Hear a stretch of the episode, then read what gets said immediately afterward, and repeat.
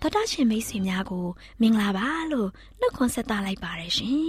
တော်တာရှင်များရှင်ခရစ်နှစ်2022ခုနှစ်စက်တင်ဘာလ4ရက်မြန်မာတက္ကီ1384ခုနှစ်တော်သလင်းလာဆန်းဆယ်ရက်တနင်္ဂနွေနေ့မျော်လင့်ခြင်းတန်မြမာစီစဉ်များကိုစတင်တန်လွင့်နေပါတယ်ရှင်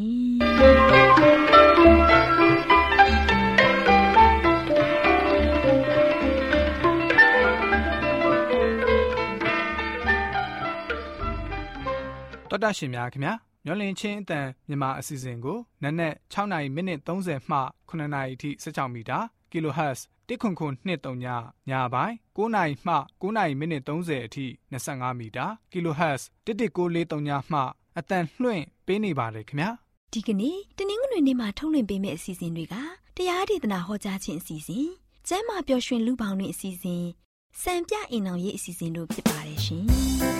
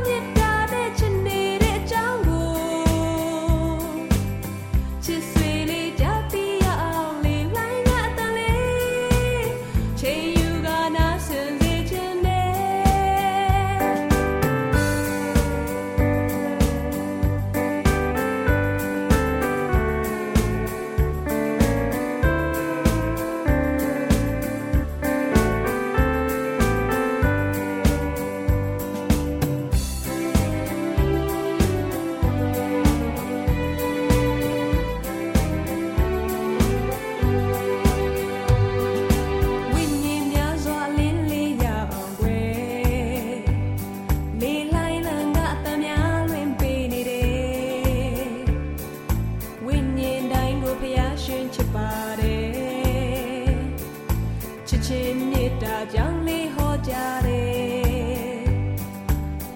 င်ငါ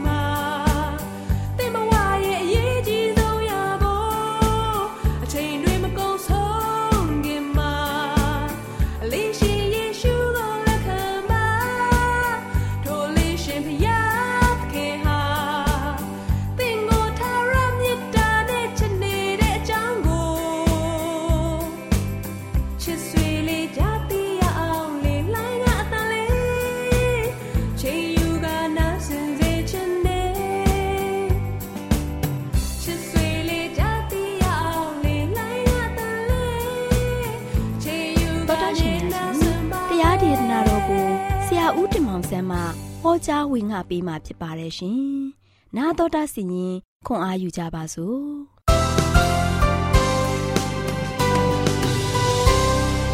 ချစ်တတော်မိတ်ဆွေများမင်္ဂလာပါလို့ရှိစွာနှုတ်ခွန်းသက်ကြပါတယ်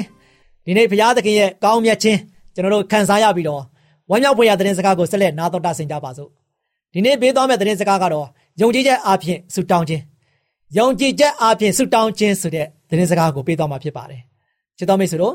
ရှင်မသက်ခရစ်ဝင်ခန်းကြီး6ငယ်9မှာ သင်တို့သည်ဆုတောင်းသောအခါဖျားမသိသူနည်းတူအချင်းဤစကားဖြင့်အထထမမွက်ကြနဲ့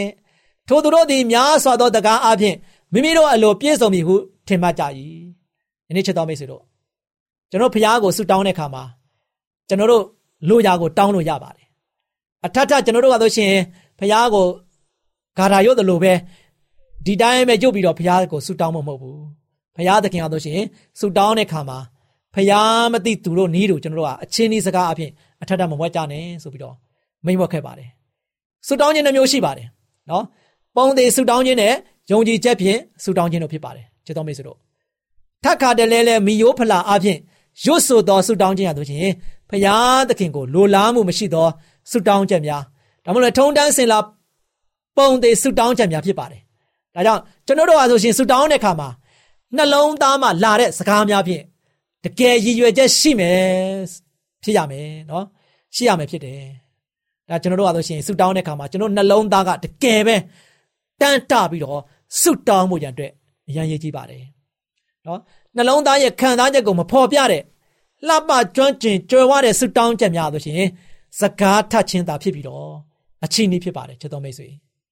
တို့ပေမဲ့လည်းစိတ်နှလုံးမှာရိုးစင်းတဲ့လေးနက်မှုရှိတဲ့ကျွန်တော်တို့ချင်းဆူတောင်းခြင်းဟာ လူသားမိတ်ဆွေတအူး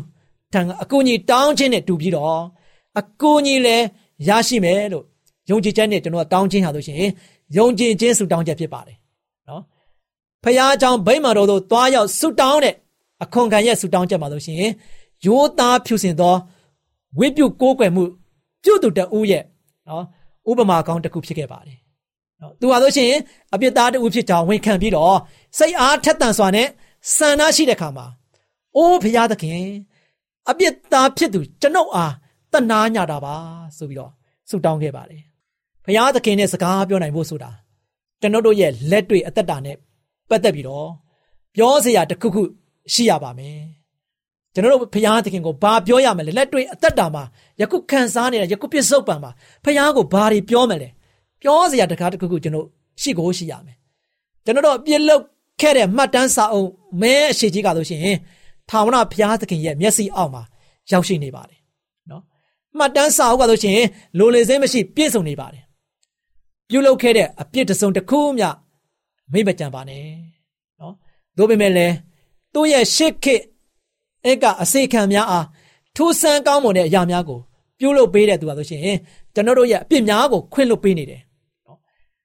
သူကတိပြုခဲ့တဲ့အတိုင်းပဲပြည့်စုံအောင်ဆောင်ရွက်ပေးနေပါတယ်ဒါကြောင့်ချစ်တော်မိတ်ဆွေတို့ ကျွန်တော်တို့ရဲ့တောင်းဆိုပန်ကြားချက်များကိုတင်ပြပြီးတဲ့အခါမှာအဖေကိုဘုရားသခင်တော်မှစောင့်ဆိုင်ခြင်းမပြုဘဲနဲ့ကိုယ်တိုင်ပြုလုပ်နိုင်တာကိုများကိုလည်းကိုယ်တိုင်ရှာပြီးတော့ကျွန်တော်တို့ကပြုလုပ်ဖြည့်ချရပါလိမ့်မယ်။ဘုရားသခင်ရဲ့အကူအညီရလို့ချင်းလူသားတို့ရဲ့ကြိုးပမ်းဆောင်ရွက်မှုနဲ့ရည်မှန်းချက်ကြီးမားမှုပေါင်းစပ်ရပါမယ်။နော်ကျွန်တော်တို့ကိုယ်တိုင်ကစုမတောင်းပဲနဲ့ကျွန်တော်တို့အတွက်အခြားသူများကိုစုတောင်းပေးခြင်းကိုအားကိုးလို့မရနိုင်ပါဘူး။နော် ကိုယ်တိုင်ကိုကကိုကြဖျားနဲ့တူတင်ပြစ်တက်ပြစ်ကျွန်တော်တို့ချင်းလက်တွေ့ကျွန်တော်တို့ဆက်သွယ်ရမှာဖြစ်ပါတယ်။ဒါကြောင့်ဘယ်ကြောင့်ဆိုတော့ဖျားသခင်ကအေကဲသို့သောချွင်းချက်မျိုးကျွန်တော်တို့အတွက်မထားပါဘူးမထားရှိပါဘူး။နော်ကိုအားကိုကိုဖို့စံနာမရှိတဲ့သူအတွက်ဖျားရှင်ကပင်လည်း၎င်းဝိညာဉ်ကိုကောင်းကင်ဘုံသို့မဆောင်ကျင်းနိုင်ပါဘူးမိတ်ဆွေ။နော်တို့ဖြစ်ပါတော့ကြောင့်တောင်းပနေတဲ့ကောင်းကင်ဘုံသို့ရောက်အောင်ကျွန်တော်တို့ခင်းကျင်းထားတဲ့ လှေကားအားတစ်ထစ်ပြေးတစ်ထစ်ကျွန်တော်လှမ်းတက်တဲ့ခါမှာအကြိမ်ကြိမ်ဆုံးရှုံးမှုနဲ့ရင်ဆိုင်ရတဲ့ခါမှာသခင်ယေရှုရဲ့ခြေတော်ရင်းမှာငိုယိုစိတ်ပြက်ခြင်းနဲ့ရင်ဆိုင်ရတတ်တယ်။သို့ပေမဲ့ကျွန်တော်တို့ရဲ့ကြိုးပမ်းချက်များကိုမရနားပါနဲ့မိတ်ဆွေ။ဆက်ပြီးတော့ကျွန်တော်တို့ကြာရှုံးနေနေဖះကိုပို့ပြီးတော့ဖယမ်းလေလေဖះကိုပို့ပြီးတော့ကျွန်တော်တို့ကမျက်ရည်မျက်ခွက်နဲ့ဆုတောင်းကြပါစေ။ချစ်တော်မိတ်ဆွေ လွတ်လန်းဆိုတာလာမှာဖြစ်ပါတယ်။အောင်မြင်ခြင်းဆိုတာလာမှာဖြစ်တယ်။ဖခင်သခင်ကကျွန်တော်တို့ကိုဘယ်တော့မှပြစ်ပယ်ထားတဲ့ဖခင်မဟုတ်ဘူး။ကောင်းကင်နိုင်ငံတော်ဟာယေရှုရဲ့အလိုကိုလိုက်လျှောက်ခြင်းနဲ့သူနဲ့တူအောင်ကြင်ကြံမယ်ဆိုရင်လူတိုင်းလက်လန်းယူနိုင်မှာဖြစ်ပါတယ်ဘလောက်ဝမ်းမြောက်ဖို့ကောင်းတယ်လေခဏတစ်ဖြုတ်တွေးကြုံရတဲ့ဆုံးရှုံးမှုကြောင့်ခရစ်တော်ပေါ်မှာဆိုရှင်ပိုးမိုမိခိုအားထားရမှာဖြစ်တယ်နော် ဆုံးရှုံးမှုနဲ့ခံစားရလေလေကျွန်တော်ဘာဖြစ်လဲကျွန်တော်ကိုးကွယ်တဲ့ဘုရားသခင်ကိုပုံမပြီးတော့မိခိုလေးလေးအားထားလေးဖဲ့ရန်လေးလေးနော်အဲ့လိုမျိုးနဲ့ကျွန်တော်သက်ရှင်မှာဖြစ်တယ်ဒါကျွန်တော်တို့ကဆိုရှင်ဆက်လက်ပြီးတော့တတ္တိရှိတဲ့စိတ်နှလုံးနဲ့မလျှော့သောဇွဲလုံးလားစိတ်တံမကြသောရည်ရွယ်ချက်တို့နဲ့ကျွန်တော်တို့ကဆိုရှင်ဖိပြီးတော့တိုက်ပွဲဝင်ကြပါစို့လောကကဘာမှာလောကရန်တရားကြီးရကျွန်တော်တို့ရဲ့တက်တာမှာရှုံးနေမှုတွေကျွန်တော်တို့ရဲ့တက်တာမှာဆိုရှင်ကြာရှုံးမှုတွေနဲ့ကျွန်တော်တို့ရင်ဆိုင်တိုက်လာနေရပါမယ် အဲဒီလိုမျိုး close ကစင်းနေနဲ့လဲကြပါစီပြန်ထပြီးတော့ထူနိုင်ဖို့ရန်အတွက်ကျွန်တော်ဘာလုပ်ရမလဲဖရာသခင်ကိုဇွဲရှိရှိနဲ့ဖရာသခင်ဘက်မှာလို့ရှိရင်စိတ်လိုက်မှန်ပါဖရာနဲ့တူကျွန်တော်စကားပြောပြီးတော့ဖရာသခင်ကိုကျွန်တော်ဆုတောင်းဖို့ဖြစ်ပါတယ်ဒီလိုကြောင့်ကျွန်တော်တို့ရဲ့တက်တာမှာလို့ရှိရင်ဇွဲတက်တိလုံးဝမလျှော့ပဲနဲ့မလျှော့တော့ဇွဲနဲ့ဖရာနဲ့တူဖယမ်းပြီးတော့ဖျားပေးမဲ့လွတ်လန်းကိုကျွန်တော်ရှာဖွေရင်းနဲ့အသက်တာကိုတိဆောက်ကြပါစို့အားပေးတိုက်တွန်းနေပါတယ် ချစ်တော်မိတ်ဆွေများဘုရားကောင်းကြီးမင်္ဂလာပေါင်းချပေးပါစေ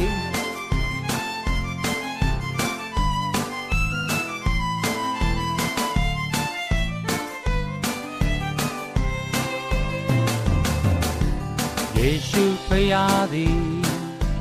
ကျွန်ုပ်တို့မိတ်ဆွေလူသားအလုံးကိုချစ်သည်အပင်ငရဲ့မှာ ရွေးနှုတ်ကဲတင်ပြီးနာမတော်မြတ်ကပါဆက်ဒီစေကဲတင်တော်ရှင်ကျွန်ုပ်တို့သခင်သေခြင်း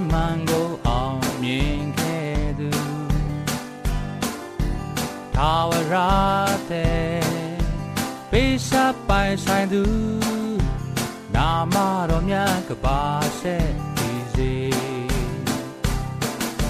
မြင့်မြတ်ဆုံးလူသာကျွန်ုပ်တို့ဤဖရာကောင်းကင်မြေကြီးဖန်ဆင်းရှင်မြေကြီးသားအပေါင်းချီးမွမ်းကြကုန်လောနာမတော်မြတ်ကပါဆက်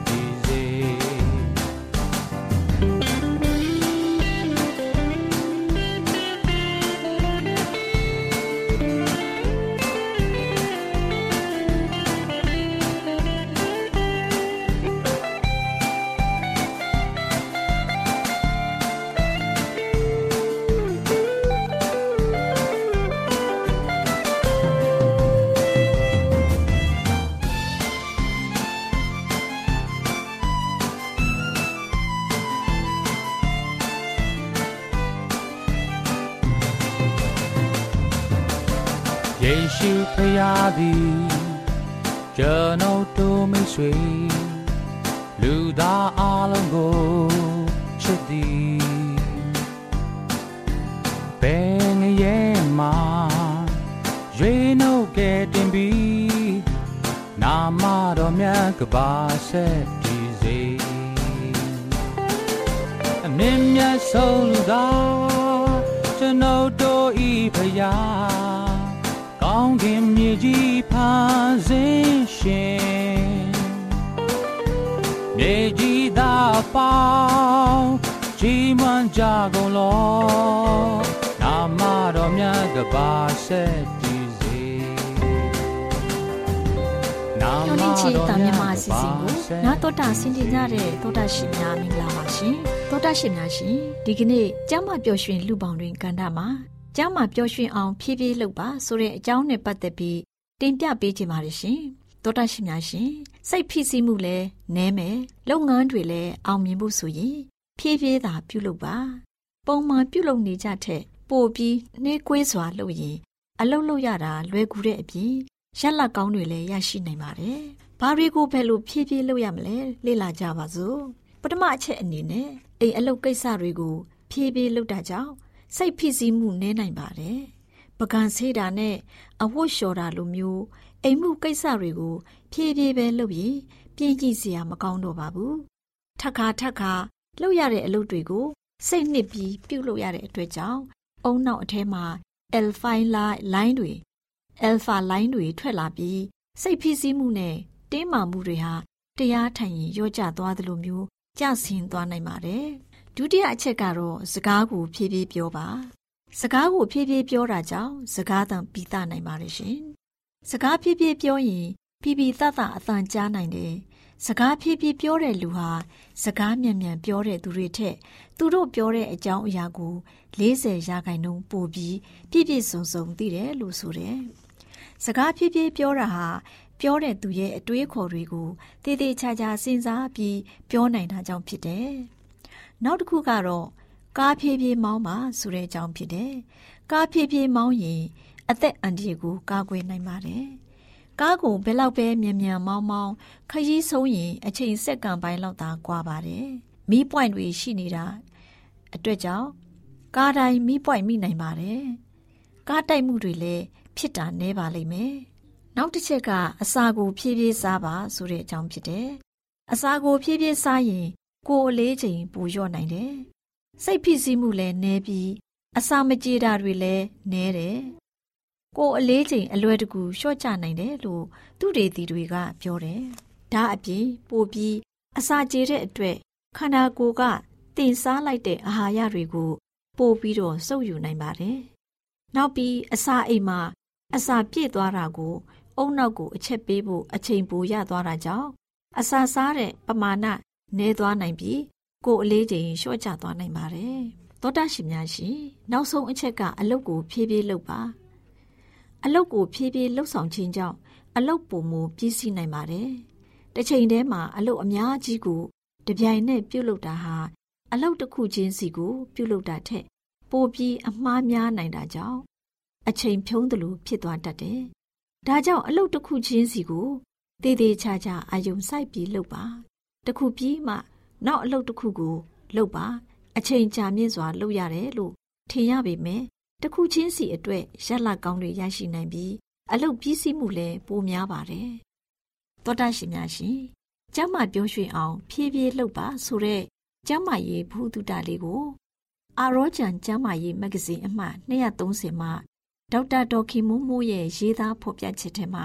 ကောက်နှုတ်တင်ပြထားတာဖြစ်ပါတယ်ရှင်။ ဒေါက်တာဒေါ်ခင်မိုးမိုးကိုလည်းအထူးကျေးဇူးတင်ရှိပါတယ်ရှင်။နာတော်တာစီနေကြတဲ့တောတာရှင်များလည်းကျမ်းမာရေးဘုဒ္ဓတရရှိပြီးကျမ်းမာပျော်ရွှင်ခြင်းဒုက္ခနဲ့ပြည့်စုံကြပါစေရှင်။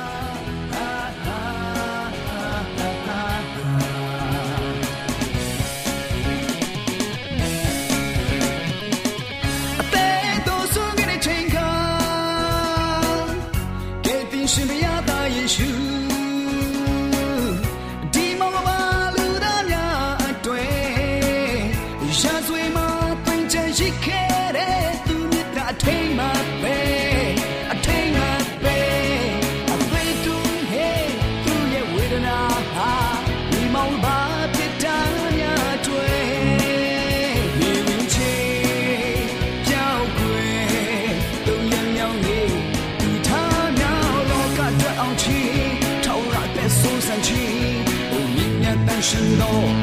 မြင့်ဆုံးတော်ဖရာနိုင်ငံတော်တရားအာဏာတော်ကြီးကြီးနဲ့စေရှင်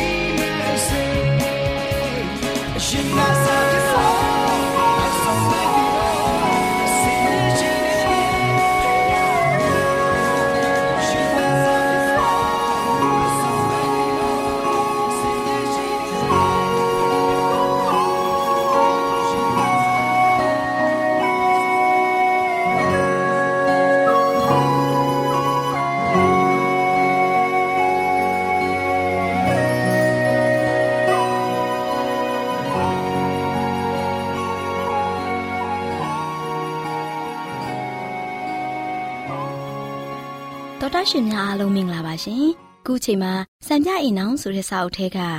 မိသားစုစီမံကိန်းဆိုတဲ့အကြောင်းအရာနဲ့ပတ်သက်ပြီးတင်ဆက်ပေးချင်ပါတယ်ရှင်တော်တာရှင်များရှင်မိခင်သားသမီးနဲ့လူအဖွဲ့စည်းတို့အားစိတ်ဆင်းရဲစေနိုင်တဲ့အမှားအကြောင်းပြောပြချင်ပါတယ်သားသမီးများမွေးဖွားခြင်းဟာတရားမျှတမှုဖြစ်သည်မဖြစ်သည်ကိုစဉ်းစားဆင်ခြင်မှုမရှိဘဲကြည့်ရှုပြုစုခြင်းခံရရန်၎င်းတုံသင်ဆုံးမခြင်းခံရရန်၎င်းမိဘများအပေါ်တွင်လုံးဝအားကိုးအားထားပြုနေတဲ့ မဆာမဲ့ကလေးတငယ်မြောက်များစွာမွေးဖွားထားကြတဲ့မိဘများလည်းရှိကြပါတယ်။ဒီလိုပြုလုပ်ခြင်းဟာမိခင်ဖြစ်သူကိုသာမက သူ့ရဲ့သားသမီးများနဲ့လူအဖွဲ့အစည်းကိုပါပြုတဲ့မှားယွင်းမှုတစ်ရပ်ဖြစ်တယ်။မိဘများအနေဖြင့်သူတို့သားသမီးတို့ရဲ့အနာဂတ်ကောင်းစားရေးကိုအမြဲတမ်းနှလုံးသားမှာပိုက်ထားသင့်ပါတယ်။ဘဝအသက်တာရဲ့လိုအပ်မှုများကိုဖြစ်တင်ပေးနိုင်ဖို့အတွက်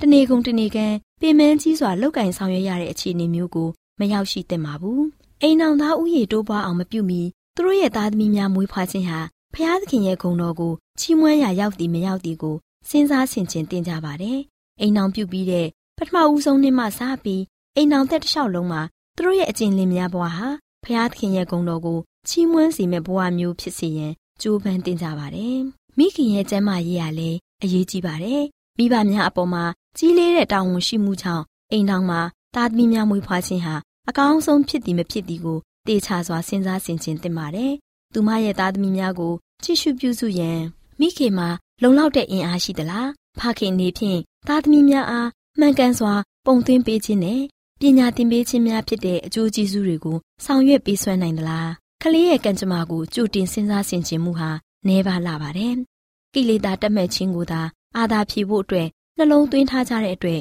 မိခင်နဲ့ဇနီးဖြစ်သူရဲ့ ခန္ဓာအင်အားကိုဆုပ်ယုပ်စေပြီးသူမရဲ့ဝိညာဏအင်အားကိုထုံထိုင်းစေတဲ့ဝန်ထုတ်ကြီးကိုသူမအပေါ်သို့ရောက်စေပါတယ်။ချွတ်တဲ့တဲ့ကျမ်းမာရေးနဲ့စိတ်အားငင်နေရတဲ့အချိန်မှာသူမကြည့်ရှုပြုစုခြင်းမပြုနိုင်တဲ့တိုးစုကလေးတွေဟာသူမအားဝန်းရံထားကြတာကိုသူမတွေ့မြင်နေရတယ်။သူတို့ရတင်ရထိုက်တဲ့တွင်တင်ဆုံးမမှုကိုမရရှိတဲ့အတွက်ဒီကလေးငယ်တွေဟာဖျားသခင်ရဲ့ဂုဏ်တော်ကိုချီးမွမ်းရမှန်းမသိပဲကြီးပြင်းလာပြီးသူတို့ကိုယ်တိုင်တဘာဝရဲ့ဆိုးရုပ်ညဉ့်ညမ်းမှုတွေကိုသူတစ်ပါးကို လက်ဆင့်ကမ်းခြင်းဖြင့်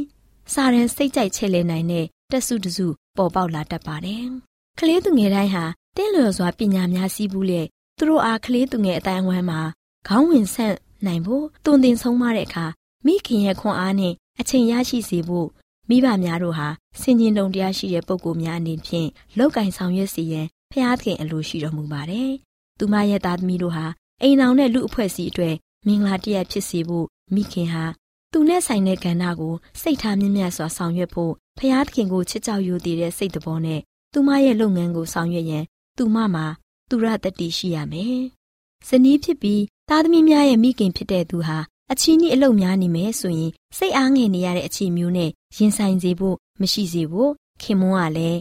စဉ်းစားဖြစ်တင်ပါတယ်။မြောက်များလာတဲ့ရင်သွေးငယ်တွေဟာတင့်လျော်တဲ့တင် जा ပြသမှုကိုမခံရဘဲကြီးပြင်းလာစေခြင်းအပြင်သူတို့အတွက်တရားမျှတတဲ့တာဝန်ကို မထမ်းဆောင်နိုင်တဲ့အခြေအနေမျိုးမှာသူ့သားသမီးငယ်တို့ရဲ့မိခင်ဟာရက်တီမနေစေဖို့အိမ်နောက်ဦးစီးဖြစ်သူဟာကြည့်ရှုစီမံရမယ်။မိဘတို့ဟာသူတို့အနေဖြင့်ကောင်းမွန်စွာကြည့်ရှုပြုစုပြီးပညာသင်ပေးနိုင်တဲ့ဥယျာဉ်ထက်ပိုပြီးသားသမီးများကိုမမွေးတင်ကြပါဘူး။နှစ်တိုင်းမိခင်ရဲ့ရင်ခွင်မှာ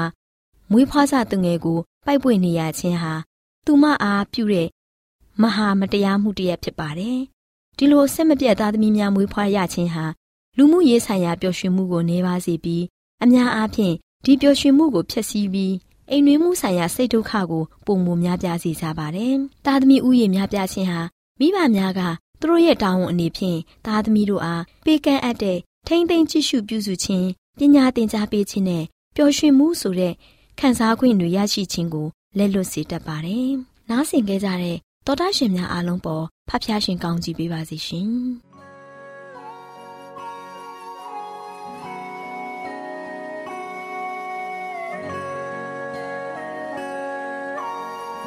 ဗုဒ္ဓရှင်များရှင်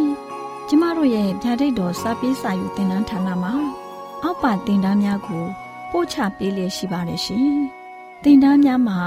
စိတ်ဓာတ်ဒုက္ခရှာဖွေခြင်းခရစ်တော်၏အသက်တာနှင့်တုန်တင်ချက်များတဘာဝတရားဤဆရာဝန်ရှိပါကျမ်းမာခြင်းနှင့်အသက်ရှိခြင်းသင်နှင့်သင်ကျမ်းမာရေးရှားဖွေတွေ့ရှိခြင်းလမ်းညွန်သင်ခန်းစာများဖြစ်ပါရဲ့ရှင်သင်တန်းအလုံးဟာအခမဲ့တင်နန်းတွေဖြစ်ပါတယ်။ ဖြစ်ဆိုပြီးတဲ့သူတိုင်းကိုဂုံပြုလွှာချီးမြှင့်ပေးမှာဖြစ်ပါတယ်ရှင်တော်တာရှင်များခင်ဗျာဗျာတိတော်အတန်းစာပေးစာယူဌာနကိုဆက်သွယ်ခြင်းနဲ့ဆိုရင်တော့ဆက်သွယ်ရမယ့်ဖုန်းနံပါတ်ကတော့39 656 296 336နဲ့39 98 316 694ကိုဆက်သွယ်နိုင်ပါတယ်။ဓာတိတော်အတန်းစာပေးစာဥထာဏာကိုအီးမေးလ်နဲ့ဆက်သွယ်ခြင်းနဲ့ဆိုရင်တော့ l a l r a w n g b a w l a @gmail.com ကိုဆက်သွယ်နိုင်ပါတယ်။ဓာတိတော်အတန်းစာပေးစာဥထာဏာကို Facebook နဲ့ဆက်သွယ်ခြင်းနဲ့ဆိုရင်တော့ S O E S A N D A R Facebook အကောင့်မှာဆက်သွင်းနိုင်ပါတယ် AWR မျော်လင့်ခြင်းအတန်ကိုအားပေးနေတယ်တော်တာရှင်များရှင်မျော်လင့်ခြင်းအတန်မှာအကြောင်းအရာတွေကိုပုံမသိရှိပြီးဖုန်းနဲ့ဆက်သွယ်လိုပါက39 2939 3926ခွန်45နောက်ထပ်ဖုန်းတစ်လုံးအနေနဲ့39 688 464 48ခွန်ကိုဆက်သွယ်နိုင်ပါတယ်ရှင် AWR မျော်လင့်ခြင်းအတန်ကို Facebook နဲ့ဆက်သွယ်ခြင်းနဲ့ဆိုရင်တော့ AWR ရန်ကုန် Facebook Page မှာဆက်သွယ်နိုင်ပါတယ်ခင်ဗျာအင်တာနက်ကနေ မျော်လင့်ခြင်းအတန်ရေဒီယိုအစီအစဉ်တွေကိုနားထောင်ခြင်းနဲ့ဆိုရင်တော့ website လိပ်စာကတော့ www.awr.org ဖြစ်ပါတယ်ခင်ဗျာ။သောတာရှင်များရှင် KSTA အာကခွန်ကျွန်းမှာ AWR မျိုးလင့်ချင်းအတံမြန်မာအစီအစဉ်များကိုအတံလွှင့်ခဲ့ခြင်းဖြစ်ပါတယ်ရှင်။ AWR မျော်လင့်ခြင်းအတန်ကိုနာတော်တာဆင် gay ကြတော့တောတာရှင်အရောက်တိုင်းပေါ်မှာဖျားသခင်ရဲ့ကြွယ်ဝစွာသောကောင်းကြီးမင်္ဂလာတက်ရောက်ပါစေ ကိုယ်စိတ်နှဖျားစမ်းမွှေလန်းကြပါစေကျေးဇူးတင်ပါတယ်ခင်ဗျာ